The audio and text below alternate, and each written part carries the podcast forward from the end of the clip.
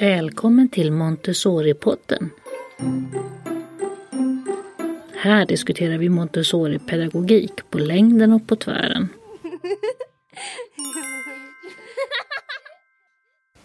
Välkomna till ett nytt avsnitt av Montessori-podden. Jag heter Maria Schacki. För en tid sedan hade jag ett samtal med Kerstin Signert, forskare och utbildare vid Göteborgs universitet. Vi pratade om hennes avhandling som handlar om det sinnestränande materialet och mycket annat intressant. Kanske kan vi så ett frö hos någon av er lyssnare att börja forska. Det behövs mer forskning inom Montessori-pedagogiken. Samtalet sker på distans så här i coronatider och på grund av lite dåligt nät i början av samtalet hackar det av och till i början. Men det bättrar på sig efter ett tag, så stå ut. God lyssning!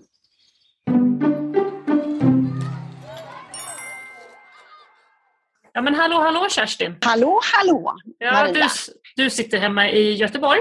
Ja, jag sitter hemma vid mitt skrivbord i Göteborg och mm. pratar med dig på ett helt annat ställe. Det är väldigt eh, roligt tycker jag, för vi kan se på varandra i alla fall. Ja, känns som vi har ett vanligt samtal. Precis, det här är, det är ju nya tider nu och nya utmaningar. Det är alla som har funderat lite grann kring det här med digitalisering och sånt. Vad ska vi med det till egentligen? Nu vet vi det. Det var det här vi skulle ha det till. Får väl se att det här kanske har något gott med sig då. Mm. I det att vi kan använda den här tekniken på ett vettigt sätt. Mm. Ett praktiskt sätt. Alla blir liksom tvungna att lära sig. Vi behöver inte resa till varandra varenda gång. Ja, mm tänkte att vi kan börja med att du får berätta lite grann för våra lyssnare vem Kerstin är. Vem är du? Ja, Kerstin är ju från Göteborg och det kanske man pratar. Jag, har, jag är från början lågstadielärare som utbildade mig till Montessori-lärare efter tio år i yrket eh, och har tre diplom från Sankt Nikolas i London för barn mellan, jag tror att det står på mina diplom, två och ett halvt till tolv. Och blivit väldigt, väldigt ehm, eh, tagen av Montessori-pedagogik och av Marie. Mm. Jag arbetade med Montessori-pedagogik i den vanliga grundskolan, hade en åldersblandad klass det var inte enkelt att i en vanlig grundskola eh, tåga in och eh, vilja på det här sättet. Jag fick en del kollegor med mig på vägen. Jag fick en eh, lärare som utbildade sig i Montessori-pedagogik som var mellanstadielärare. Så vi arbetade tillsammans, jag med 1 trean och hon med 4-6an. Mina barn gick alltså till henne. Så jag kan tycka att vi arbetade ett till sex tillsammans i skolan och det var väldigt, väldigt roligt och det var väldigt betydelsefullt för mig.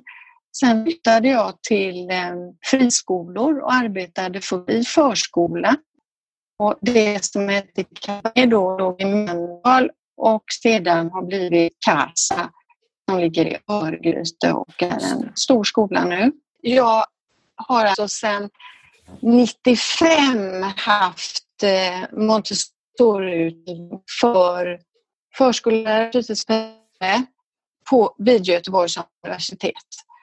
I olika former. Jag har haft både fristående kurser och eh, eh, varit ute i bygden och eh, utbildat i Montessori-pedagogik. Och så har jag under den här tiden också då gått forskarutbildning och skrivit en avhandling om de sinnestränande materialen i eh, Montessori-skolan.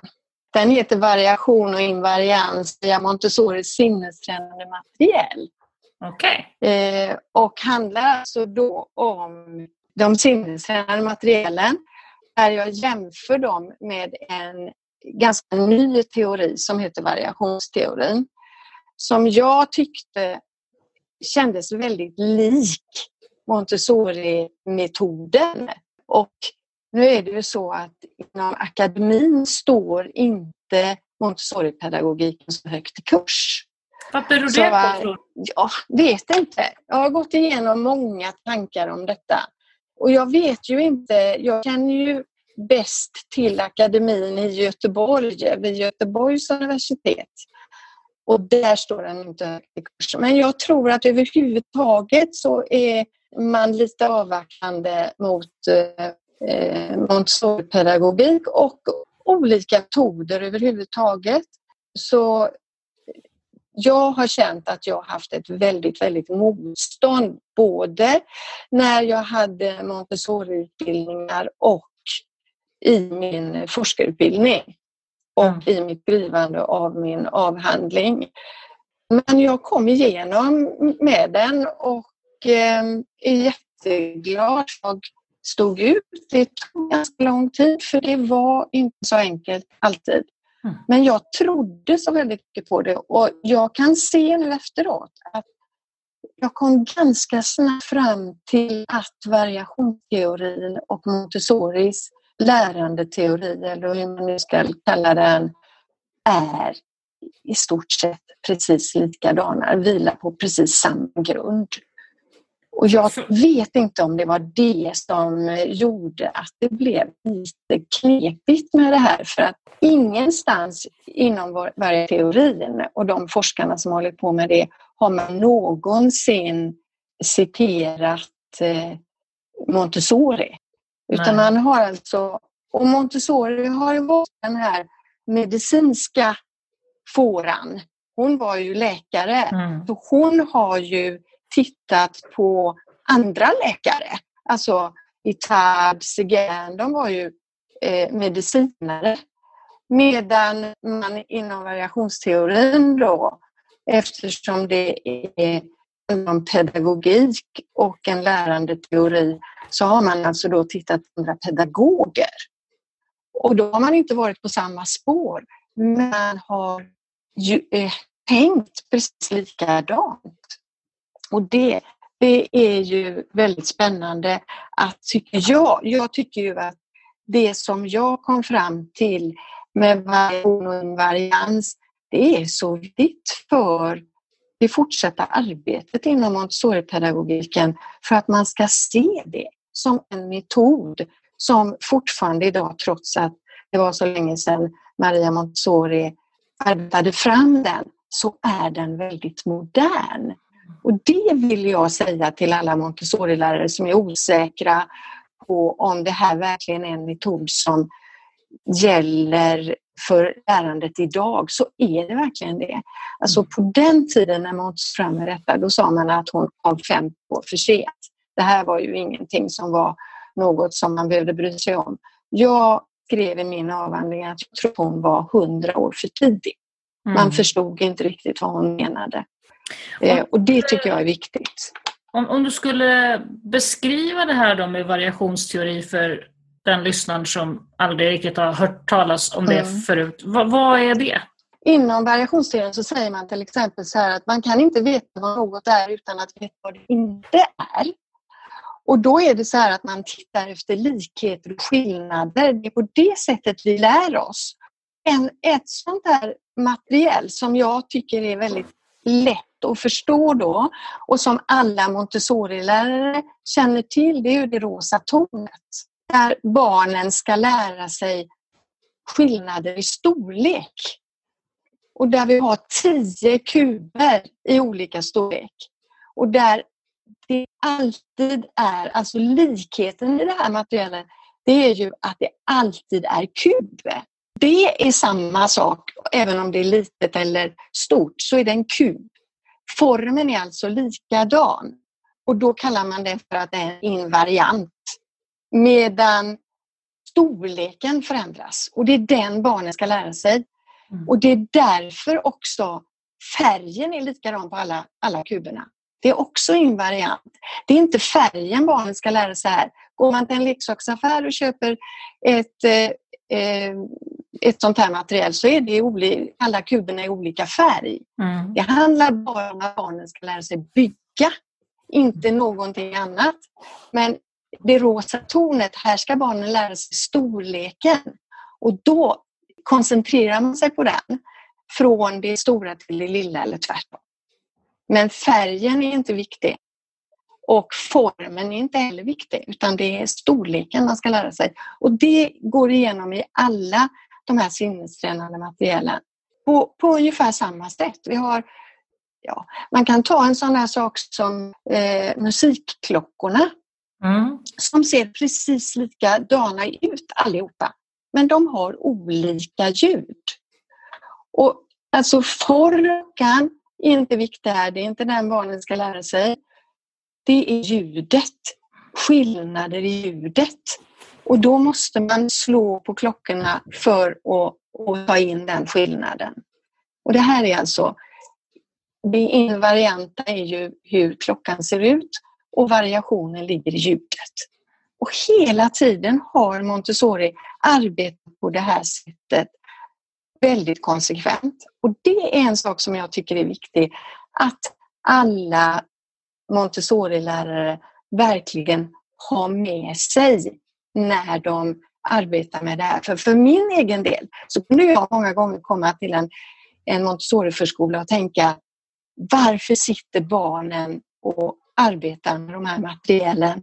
Ibland så kunde jag känna att det är för att få tyst i rummet. Barnen är ju sysselsatta och då kan man jämföra en, en eh, iPad där de sitter och, och, tittar på bilder och blir väldigt tysta. Men vad lär de sig? Alltså vi måste ju hela tiden tänka efter vad är det de lär sig och därför är det viktigt också att man pratar med barnen om det. Mm. När de har använt de här materialen, att man har ett samtal om det. Så att det inte bara blir ett lärande i tystnad utan också ett lärande med en kommunikation. Ja, vilket ju även gäller det andra exemplet du hade då när de sitter kanske med en iPad och jobbar med ett material där, att man faktiskt pratar med mm. dem om vad det är de gör. Precis, precis. Och nu är det ju till exempel så att det finns väldigt många eh, sinnestränande material som finns på eh, som man kan ha på sin platta. Mm. Eh, och, men då måste vi vara då måste vi vara trygga med att barnen, om de ska arbeta med de här, jag kan tycka är lite kul också, att flytta, flytta fyrkanter istället för kuber, men då ska man ha börjat med kuberna. Mm. Så att barnen känner vad det är för någonting. Mm. Sen kan man gå till storleken på plattan. Men det är en abstraktion. Vi måste starta bild, liksom. i det liksom. praktiska. Mm, mm, mm. Precis. Så, båda delarna är goda på något sätt. Ja, man måste ja. börja i det konkreta. I din avhandling så skriver du i början där om det här som Maria Montessori där har sagt under ett av sina besök i Sverige på 50-talet. Ehm, så sägs det mm. att hon ska ha sagt om materialet tar överhanden, bränn det. Vad, vad vet vi om den historien och det, den utsagan? För det har vi alla hört. Jo, det har varit på våra det, utbildningar att hon sa så. Ja. Men det finns ju inte riktigt någon text någonstans, eller hur? Utan det här är ju liksom mest traderat. Vad, vad vet vi om detta? Jag vet inte vem som har börjat med det, om inte det var jag för länge sedan. Nu ska vi säga att det måste nästan... Eh, det var en Montessori-lärare i Stockholm som jag just nu, eh, hemskt, eh, men jag kommer inte på hennes namn. Malmborg? Eh, ja. Hon hade väldigt mycket anteckningar efter sig. Papperslappar och, och telefonnummer och eh, massa olika saker som hennes barn samlade ihop i kartonger och lämnade till eh, eh Montessoriförbundet, Svenska Montessoriförbundet. När jag skulle skriva min C-uppsats på 90-talet så var jag uppe i Stockholm och bad att få komma till eh, Montessoriförbundet och prata med dem. Då. Det var Montessoriförbundet vid den tiden var lite större, har jag en känsla av, än det är nu. Och då visade de mig kartonger eh, från eh, Malmborgs, eh, alltså hennes, eh, det som de hade lämnat till förbundet. Mm. Och jag fick lov, lov att titta igenom dem. Och där hittade jag anteckningar från Maria Montessoris besök i Sverige 1940. Och där har alltså Conny av Malmborg, där har hon skrivit precis detta. När hon lyssnar på Montessori. Så det är från hennes anteckningar ifrån det här besöket som Montessori gjorde. Mm. Och jag tror hon var på Kungsholmens gymnasium eller något sånt. Mm. Så det är hennes föreläsningsanteckningar då helt enkelt? Precis, det är från hennes föreläsningsanteckningar. Som är, det, det är väldigt, det, detta är väldigt intressant för när Montessori eh, hittade Segerns bok så åkte hon ju till Paris för att besöka den skolan som Segern startade där för att se hur de använder de här sakerna i hans program. Och då så har hon ju skrivit att hon tyckte att det verkade som om inte lärarna där i Segerns skola förstod vad han menade med de här olika materialen. De lät barnen bara hålla på med det ungefär som ett tidsfördriv. Och det, jag tror att det är samma sak som hon kände med sitt sinnestränande material. Att hon, när hon besökte olika Montessori-skolor som arbetade med de här sakerna så tyckte hon inte att lärarna riktigt förstod innebörden med dem. Då tror jag då som hon sa, att om, om det tar överhanden, det här att man bara ska arbeta med materialen, så kan man lika gärna ta bort dem. För man måste förstå innebörden. Om man bara arbetar med det liksom rent didaktiskt som vilken undervisningsmaterial som helst? Vad som helst. Ja. Mm. ja. Jag har mm. själv funderat mycket över det där kring, kring um, olika nivåer på, på Montessori-utbildning och sådär genom åren. Man har ju i många Montessori-utbildningar så lägger man ju ner mer eller mindre olika mycket tid på just uh, materialen och kunskapen mm. kring materialen och man tränar mer eller mindre och en del går igenom det ganska summariskt och en del jobbar jättemycket på det. Och, mm. och där har jag funderat på ibland lite grann just det här som du säger då med att, att verkligen förstå dem och att då kunna arbeta med dem på ett lite djupare sätt. Um, hur man får bäst förutsättningar för att göra det. Och jag vet att ibland när jag har tänkt kring det här och resonerat med kollegor så har jag beskrivit det lite grann som matlagning. Att om man inte behärskar till exempel en maträtt eller en, en, ett recept i grunden och förstår hur det är uppbyggt så kan man inte börja improvisera och freestyla för då funkar det liksom inte. Mm, jag hade mm. till exempel en, en, för, för länge sedan en, en, eh, en kille som, som inte var ett dugg bevandrad i matlagning och han såg att jag tog lite genvägar, bytte ut saker, fixade och trixade lite grann sådär i recepten ibland och det blev jättebra. Men när han försökte göra samma sak så blev det bara pannkaka av alltihopa. Mm. För att han, visste, han hade liksom inte grundkunskapen och visste inte vilka genvägar som funkade eller inte och vad man kunde strunta i och vad man kunde byta ut och sådär. Och att man någonstans måste ha tillräcklig grundkunskap för att kunna släppa sargen. För, utan att det ska bli kaos. Mm. Mm. Vad, vad, tänker du kring, mm. kring det resonemanget? Jo, men eh, det är ju ungefär likadant som om du tänker dig du kör bil. Lär mm. dig köra bil så måste du ha grundkunskapen när du växlar och, och, och, så. Men sen när du har kört länge och kan de där grejerna så kan du ju faktiskt köra från punkt A till punkt B utan att egentligen veta vilken väg du tog. Mm. För du behöver inte fundera på det längre, hur du gör. Så, så det, det tycker jag är jätteviktigt. Det är bara väldigt, väldigt svårt eh, att göra en utbildning där man också förstår att barn är olika. Mm. Eh, alla kommer med olika kunskap med sig till skolan. Man kan inte prata med alla barn på samma sätt, för de förstår inte det. Så det, det, det är väldigt svårt med Montessoriutbildningar eftersom de inte går in i den van, det vanliga systemet med en lärarutbildning till exempel, utan det är kurser i bara Montessori-pedagogik. Mm, mm. De ligger vid sidan där, om. Liksom. Alltså, ja, de ligger vid sidan om och det finns så mycket annat Alltså när man har en rulltårta så är det ju viktigt vad, vad det är för sylt i den för att, om det ska smaka gott eller så. Alltså det behövs så mycket mer än... Eh, och det här med att man lär sig materialen precis hur man ska använda det. Sen behöver man träna det för att det ska fungera ihop med barn till exempel. Mm. Så det, det, är inte, det är inte enkelt detta. Det är inte enkelt.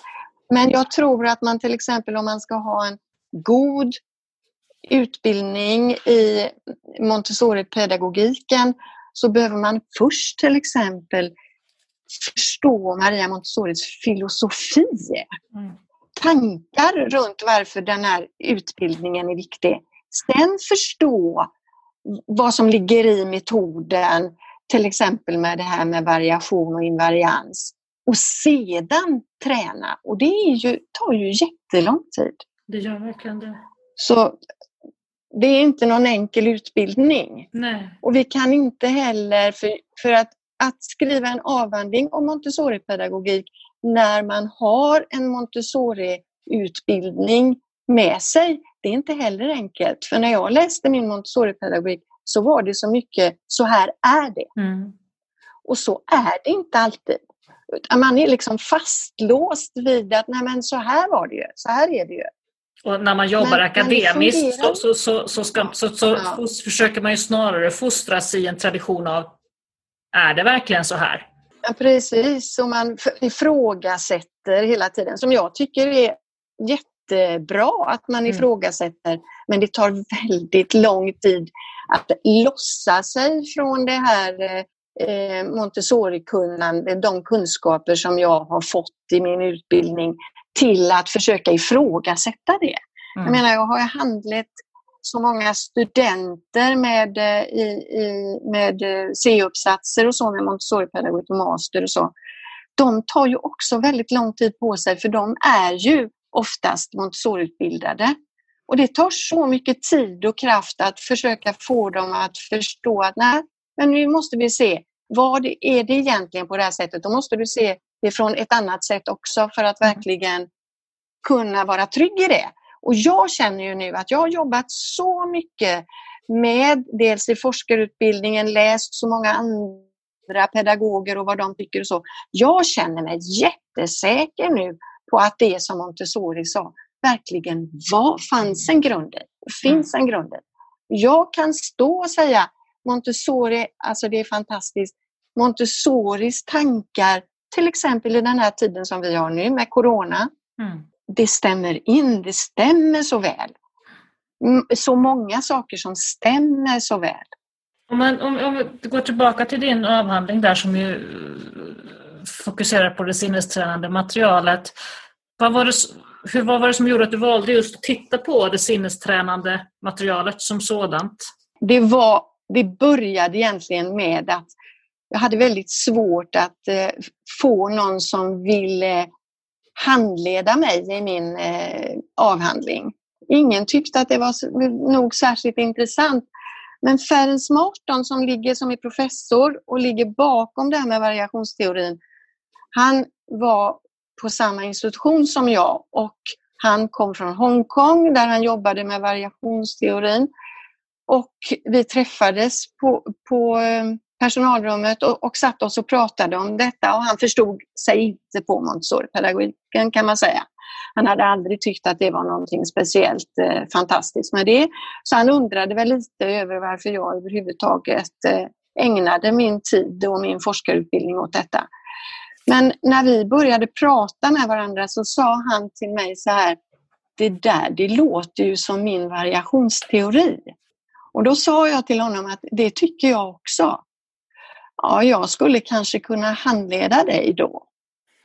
Och sen så blev det ingenting mer med det för jag blev ganska chockad. Faktiskt. Det var ingen annan som hade sagt så till mig. Så jag pratade med en kollega efter det där som sa till mig, ja men då måste du ta kontakt med honom igen för att den där fågeln den flyger lätt förbi och det finns något annat som är mer intressant sen.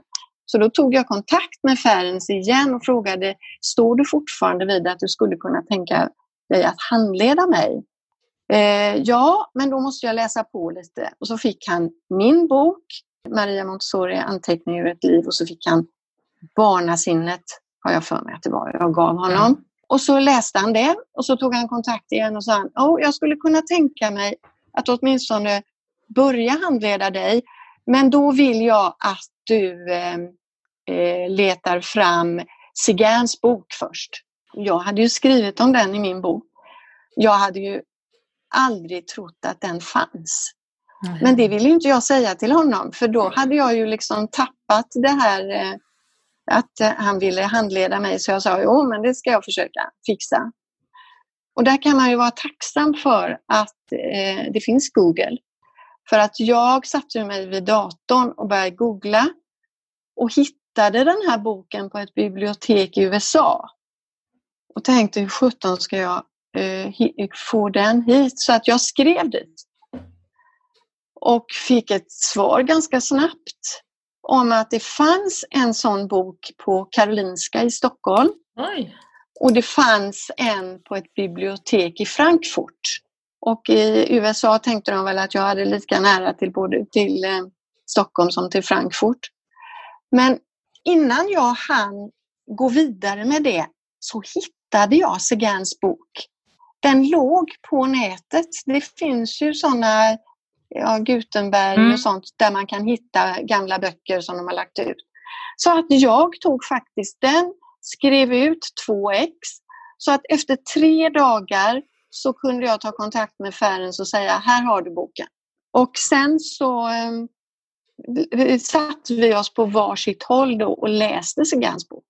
Och jag skulle faktiskt eh, åka ner till Rom precis då bara ner med min man på eh, semester på påsk, tror jag det var. Eh, så då tog jag med mig boken och läste den under tiden och blev faktiskt ganska irriterad. För att Segans bok, det var ju faktiskt en kopia av Montessoris eh, litteratur. Hon hade ju faktiskt tagit efter honom helt och fullt, allting allting som jag hade lärt mig i mina Montessori-utbildningar om att Montessori säger, det var vad Sugan sa. Okay. Så att då blev jag lite irriterad och tänkte, ska jag verkligen fortsätta med detta? Men så promenerade vi så började det regna lite och vi hoppade in i en bokhandel och precis när vi kom in i affären så stod det ett uppslagen stor bok eh, om Rom.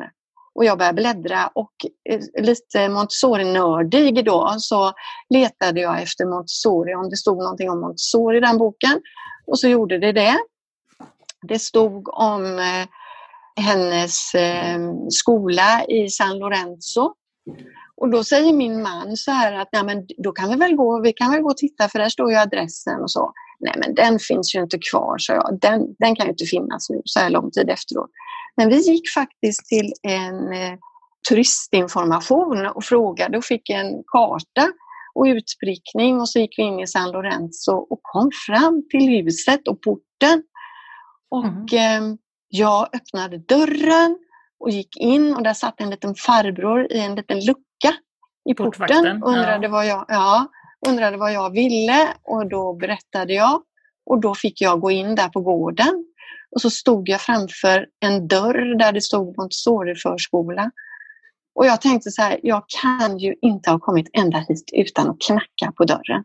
Så jag knackade på dörren och det kom ut en tjej som inte kunde annat än italienska och det kan inte jag. Så hon gick in och hämtade någon som kunde engelska och så blev vi inbjudna där i den här förskolan och visade runt så det, det var ju en väldig upplevelse. Mm, mm. Men sen, så, och där, då gick det vidare så att då hälsade jag ju på i Trastevere hos, eh, på den här eh, Montessori, vad heter den? Ja, Där du Opera Nazionale Montessori. Ja, Opera Nazionale. Där blev vi väldigt eh, fint emottagna, särskilt min man. De tyckte att det var väldigt roligt att det kom en man in där. Men i alla fall, så att då eh, och vi kom till ett litet museum med mm. Montessori-material. Har du varit där och tittat? Ja, deras bibliotek där, där de har eh, allt möjligt. Ja, det är något tekniskt eh, institut som ja, har ja, ja. gamla material. Just det, just det. De, nej, det har inte varit, men jag, jag, har sett eh, om det. Jag har varit på väg dit ja, mm. just det. Ja. Så att det, då, ehm, då hände det väldigt mycket. Men jag kom tillbaka hem och pratade med Ferrens som då alltså ville handleda mig. Och då sa jag till honom att jag blev faktiskt ganska nästan förbannad på Montessori som bara har tagit efter allting av Cigern och, och inte, inte har något eget. Liksom. Och då var han precis tvärtom. Han sa så här, nej men hon är ju en fantastisk människa. Hon upptäckte ju vad Cigern menade. Det är ju ingen annan som har gjort. De har ju bara läst boken och inte mm. gjort något med det. Så han såg det på något helt annat sätt och tog emot mig med öppen famn in på sitt kontor och sa att Kerstin, det här, det här blir stora grejer. Det här blir något alldeles fantastiskt. Nu sätter vi igång. Men, mm. men sen blev det ju inte så, för jag tror att det blev för likt variationsteorin. Så att det mm. liksom, hon blev inte, inte så hyllad på slutet. Liksom. Men så där är historien om varför jag skrev eh, och blev intresserad. Alltså för då tog jag med mig kameran, gick ut i Montessori-förskolor och filmade. Och filmade lite barn i skolan först för att jag kom ju från skolan. Mm. Eh, men hittade inte riktigt det här tydliga, synliga. Så då gick jag till förskolan och där, bland de sinnestränande materialen, där blev det så tydligt. Så då inriktade jag mig på det i min avhandling. Om man tänker sig för Montessori-pedagoger idag ute i verksamheten, så där, vad, vad är de viktigaste lärdomarna och resultaten för dem uh, av, din, av din avhandling, av det du har skrivit där? Grunden i Montessoris metod är detta att man ska se likheter och skillnader. Och det har man väl lärt sig när man har gått den Montessori-utbildningen. Men att verkligen se det som en teori. För att mm. det, är, det finns ju inte liksom i Montessoris tankar. Hon, hon var ju inte så där väldigt glad i att skriva till exempel Maria Montessori. Men att berätta om sina upptäckter var hon glad över. Så hon höll ju många, jag menar barnasinnet är ju inte hennes egen text. Det är ju andra som har skrivit av hennes föreläsningar och sen bett om att få liksom ett ja till att trycka och ge ut detta. Så är ju så, många av de här små böckerna också, alla de här små kliaböckerna. Ja, det är ju liksom- väldigt, det är prints av hennes föreläsningar mer eller mindre. Precis, och därför så blir det ju väldigt, det blir väldigt blandat och väldigt lika. Mm. Alltså om jag vill för studenter eh, berätta till exempel om Montessoris syn på läsinlärning så, så finns det ju liksom ingen bok att säga så här, ta och slå upp där, där står det, utan det står lite här och lite där. Så att min avhandling, där har jag ju verkligen samlat fakta om de sinnestränande materialen mm. och malt ner det till en teori. Och det ser jag som viktigt. Och att jag då aldrig gav upp med detta är ju också för att jag vill att andra ska följa efter och arbeta med Montessoris metod så att man kan bygga upp teorier om olika saker och få, få det nedskrivet. Har, har det skett tycker du? Då? Har, har, det liksom, Nej. har det lossnat inom akademin? Nej. Nej, inte så särskilt mycket och jag eh, träffar ju väldigt många Montessori-lärare men de är för det mesta ganska nöjda med sin praktik. Mm. Ser att det, det fungerar väldigt bra i praktiken och här mår, mår vi bra med barnen och så. Mm. Eh, så att det har inte hänt så mycket men jag, jag eh, väntar på att det ska ändå ske något och jag tänker så här att det vi ser nu eh, som kanske händer med det här med det här coronaviruset som skapar nya sätt att undervisa på, som skapar nya sätt att se på hur människor tar emot olika kunskaper och så. Där ligger Montessoris tankar så väl till. Mm. Så jag tror att det här kanske kan skapa saker där vi inom Montessorin kan lyfta upp våra kunskaper på, på ett sätt så att det blir synligt. Mm. Det är mm. precis det jag vill. Mm. Att vi ska mm. visa världen att det här är ett sätt där man litar på människor. Man litar på barnen. Eh, man litar på att barnen lär sig och att de vill lära sig. Och nu till exempel i, i svensk skola sitter gymnasieeleverna hemma med lärare som undervisar dem mm. digitalt. Och idag läste jag i lärartidningen att det visar sig att eh, det är en mycket högre närvaro nu än vad det har varit i skolan. Ja. Och eleverna känner att mm, de, de syns och de märks och de gör så. Detta är ju en Montessori-undervisning tycker jag. Mm, mm. Och det har ju fungerat över förväntan faktiskt för gymnasieskolorna. Ja, precis. Det har det ja. verkligen gjort. Och, och, att man kan lita på varandra. Liksom. Mm. Man kan lita på eleverna. Jag tänker på en sak som, som du skriver lite grann i, i slutet eh, av din avhandling kring sammanfattningen är att du pratar lite grann om att, att Montessori skapade många speciella uttryck och, ja. och vokabulär kring mycket i sin mm. metod. Eh, som uttryck som liksom inte riktigt man hittar någon annanstans och sådär. Och de kan då passa in i den tiden då, men kan kännas lite förlegade idag. Och vi har liksom ingen riktig normalisering till exempel och massa mm. sådana här saker som vi inte riktigt... Och där, och där pratar du lite grann om, om och att man kanske bör förändra den här typen av vokabulär och begrepp för att det ska gå att diskutera pedagogiskt. Utveckla gärna lite grann. Hur tänker du kring det? Ja, man kan ju tänka fram och tillbaka på detta väldigt mycket. Eh, nej, jag tycker nog egentligen att, att vi ska hålla på att Montessori-läraren har ett speciellt språk. Det som är svårt, det är att jag tror att Montessori tog sina uttryck ifrån medicinen, mm. inte från pedagogiken. Och det är därför det blir så svårt för pedagoger att sätta sig in i de här uttrycken.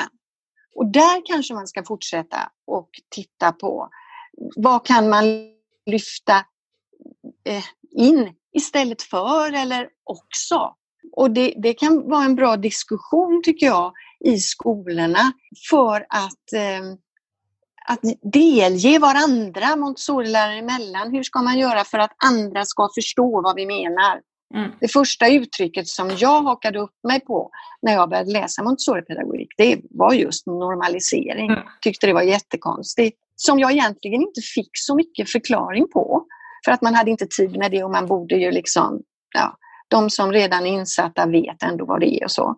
Jag tycker att det är viktigt att vi diskuterar det fram och tillbaka för att jag kan också upptäcka att även Montessori-lärare som har gått sin utbildning kanske inte riktigt, riktigt, riktigt i grunden förstår vad normaliseringen betyder. Mm.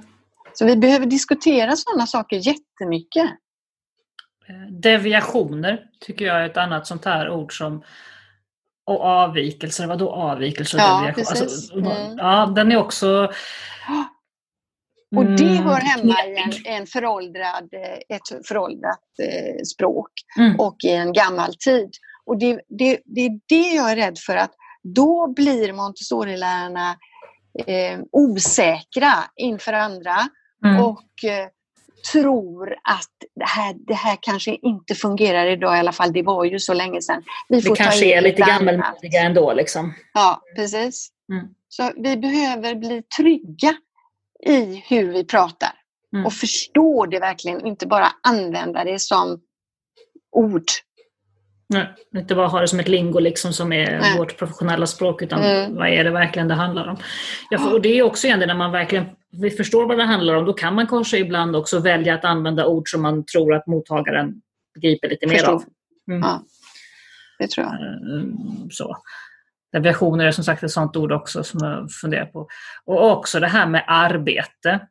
Ja. Hela den diskussionen kring arbete, lek, undervisning ja. eh, blir ju också, måste ju också, ja, man måste ju hänga med lite grann i sin kontext kring hur ser diskursen ut idag? Hur, hur samtalar man kring saker och ting för att kunna också anpassa sitt eget vokabulär till att förklara vad är det vi tänker när vi säger så här. Mm, mm. Jag tror nämligen inte heller att alla Montessori-lärare riktigt, riktigt har satt sig in i det här med skillnaden mellan arbete och lek. Nej. För då skulle man inte hålla på och säga, jo men på förmiddagen då arbetar vi och på eftermiddagen leker man. Mm. Alltså vad, vad, är leken? Leken är ju bra för, alltså Montessori sa ju att barn lär sig genom leken. All lek är ju lika viktig. Mm. Sen är det vi vuxna som ska se till att barnen får möjlighet att leka lekar som är bra för dem.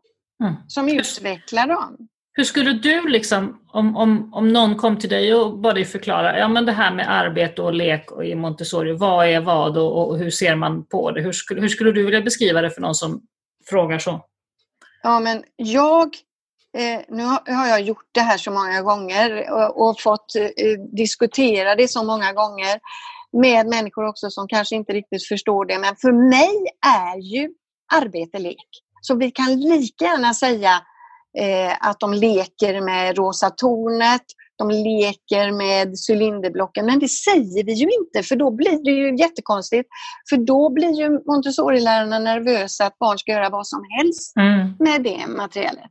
Så vi måste sitta och diskutera på våra skolor. Hur ser vi på detta?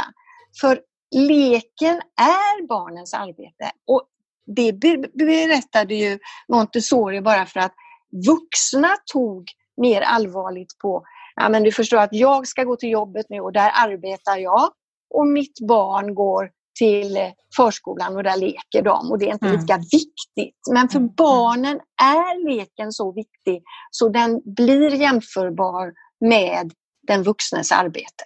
Mm. Vad skulle man använda för vokabulär, tänker du, liksom på förskolan det dagligdags när man pratar med barnen om vad de håller på med? Eh, vad vill du jobba med? Vad vill du leka med? Syssla du... kanske? Syssla. Mm. Mm. Syssla. Det är inte så vad vill dumt. du syssla med? Dockvrån eller mm. rosa tornet? Mm. Precis. Mm. Syssla. Mm. Det kan vi ju tänka på en stund men eh, jag tror i, i och för sig att i det här läget så är det bra att byta ut både arbete och lek. För vi, vi är ju lika fulla av en massa gammalt i huvudet med tankar på det här. Mm. Vi vet vad vi menar med arbete. Vi vet vad vi menar med lek. Och men om vi ska få lek och arbete att bli jämställda så måste vi kanske byta ut de två orden mot ett annat som gör att vi kan likställa dem. Precis. Ja, syssla är kanske inte så tokigt. Men det finns kanske någon annan som kan komma på med ett bättre. Mm. Men eh, just för att få något nytt i huvudet, att tänka nytt. Vi sitter alla med gammalt, gamla traditioner. Liksom. Jag tänker något som är väldigt trendigt idag, eller har varit under en längre tid, Eh, är ju Reggio Emilia. Eh, mm. Jag såg att du hade skrivit lite grann om det också och pratat lite grann om det. Hur, hur ser du på, på relationen mellan Montessori och Reggio Emilia? Ja, men för det första så, så kommer ju Reggio, Reggios tankar ifrån Montessori. Mm. Hur då? Alltså, jo, eh, det är, har uppstått ur Montessori-tankar men man ville vara mer fri. Man saknade nog eh, alltså det här med eh, konst och att barnen får eh, eh, måla och, och, sånt som man inte såg i Montessori-förskolor. Eh, och eh, vad heter han nu? Malaguzzi säger ju själv att Montessori är vår moder. Men som de självständiga barn vi är så vill vi utveckla det här på ett annat sätt. Mm. Eh, så så det, det, är ju därifrån. Men vad man då märker nu, tycker jag, är att Montessori-pedagogiken står på en mycket fastare grund när det gäller hur man arbetar och att det liksom det, det, finns en sån fast grund så att det förstörs inte med tiden. Mm. Utan det håller och det gör inte Reggio Emilia riktigt. Man, man har ju till exempel man vill inte kalla det för en pedagogik till exempel. Det finns inga grunder för det. Utan man, man, eh, man kallar det mer en filosofi eller så. Eh, men däremot så har ju de lärare som har anammat Reggio Emilia varit väldigt duktiga på att föra ut sina tankar. Och här i Sverige till exempel och här i Göteborg har man ju länge eh, samlat eh, lärare i bussar och kört ner till eh, Reggio Emilia i Italien och mm. visat upp. Och det sista som, som jag har hört, för jag har eh, jobbat med, haft kurser för arkitekter och pedagoger och planerare om pedagogik och arkitektur. Då har jag ju träffat många arkitekter som har varit med nere i Reggio Emilia, följt med Reggio-lärare som har satt dem i en buss och kört ner och så har de så att väldigt många arkitekter som ritar förskolor och skolor har väldigt mycket av Reggio Emilia-tankar i sitt huvud när de ritar. Mm. Och det tycker jag, känner jag ju så här, där har inte vi Montessori-lärare varit bra på mm. detta. Att liksom föra ut eh, hur skolorna eh, ska se ut. Eva-Maria Ahlqvist har ju skrivit en avhandling om miljön i eh, Montessori-skolan. Men, men vi behöver ännu mer praktiska, praktiska förslag på hur man gör. Mm. Där tror inte jag att Montessori-lärarna själva är så där väldigt säkra i hur en Montessori-skola ska se ut, utan man vet att det ska vara ljust och luftigt och stora ytor och man ska ha mattor på golvet och man ska ha hyllor, låga hyllor och sånt. Men liksom hela miljön är man nog inte så där väldigt säker på. Det är ju många andra som har lite mer koncept, liksom, som du säger Reggio, Waldorf, Kunskapsskolan mm. till och med, som haft en egen arkitekt. Ja. Eh, många har ju helt andra typer av, av just koncept vad gäller lokalerna som vi kanske inte riktigt har lagt oss inom att göra på det sättet. Nej, och jag vet inte riktigt varför. För att det, det, det man vet som Montessori-lärare är att miljön är viktig. Mm. Men sen är det okej okay med det på något sätt. Det handlar ju inte om att hänga upp eh, vackra lampor i taket eller det handlar ju om helt andra saker. Och det skriver ju Montessori om också. Det handlar ju om att föra in så att barnen får, kan vara fria men ändå aktiva i sin miljö. Mm. Och då behöver man tänka väldigt mycket mer på det här med hur miljön ska se ut. Både ute och inne. Precis. Utemiljön tenderar ju att glömmas bort. Ja. Om, om någon sådär sitter och lyssnar och tänker att ja, men det här med att skriva uppsatser och forska och kanske till och med avhandling eh, verkar ju lite intressant faktiskt. Men det är en stund sedan de pluggade. Um, hur, ska man, hur ska man gå tillväga? Var ska man börja någonstans? Ja, man ska väl söka sig till något universitet. Det, det, alltså, det beror ju precis, om det är länge sedan man pluggade så har man ju kanske inte möjligheten att gå in i en forskarutbildning direkt utan då måste man läsa en master till exempel och så. Mm. Eh, så man, man tar kontakt med ett universitet, frågar eh, den som är yrkesvägledare där om hur man ska bära sig åt för mm. att börja. Och sen får man väldigt gärna ta kontakt med mig också. Mm. Jag kan nog ge en del tips eh, också. Det går väldigt bra. För det behövs ju, precis som du säger, mm. mer eh, forskning och mer avtryck inom akademin för, för Montessori-verksamheterna. Vi tar liksom inte riktigt plats där än på samma Nej. sätt. Vi har ju någonting som jag tycker är riktigt, riktigt eh, hemskt nu är att eh, man eh, i väldigt många Montessori-skolor har tagit bort den åldersblandade eh, indelningen. Oj då. Det, här det, det, ja, precis. Men det var väl roligt att du missade det. Men jag, jag möter det ganska ofta och jag Oj. blir väldigt ledsen. För då ja. säger jag så här, har man inte åldersblandning så kan man inte ha Montessori-undervisning. Nej. Det fungerar inte. Det säger Maria Montessori väldigt, väldigt tydligt i en av sina böcker. Mm. Ja, men, mm. Är det inte åldersblandning, ja, men då kan ni kalla det för vad ni vill, men Montessori är det inte. Precis, det är det inte. Och då, då känner jag så här att där skulle jag ju vilja att någon verkligen gick ut och forskade på det i mm. Montessori-skolor vad den åldersblandade undervisningen betyder när det handlar om lärande och när det handlar om barnen och alltihop. För att vad, vad, där blev det precis likadant. Jag tror att det var så länge sedan som 2002 som det kom en avhandling om åldersblandad undervisning och där man kom fram till att det var inte särskilt positivt. Och då blev många Montessori-skolor eller rektorer eller vem det nu var nervösa och tänkte då kanske vi gör fel, då kanske inte det blir bra. Mm. Och så började man alltså tycka att det bara var jobbigt att ha åldersblandning. Men det där, den där avhandlingen den studerade inte några Montessori-skolor. Den studerade vanliga skolor som hade åldersblandning där det inte var åldersblandat. Alltså man har åldersblandning på schemat eller på, men inte i verkligheten. För då satte man sig till exempel och sa nu kan ettorna gå till det hörnet och göra det och så går tvåorna dit och treorna och så. Och, då blev det som forna tiders B-skola som ja, man hade ute på landet. Exakt, det gick jag själv i. Jag gick ju en ja. sån hela låg och mellanstadiet för att vi var ja. inte så många då.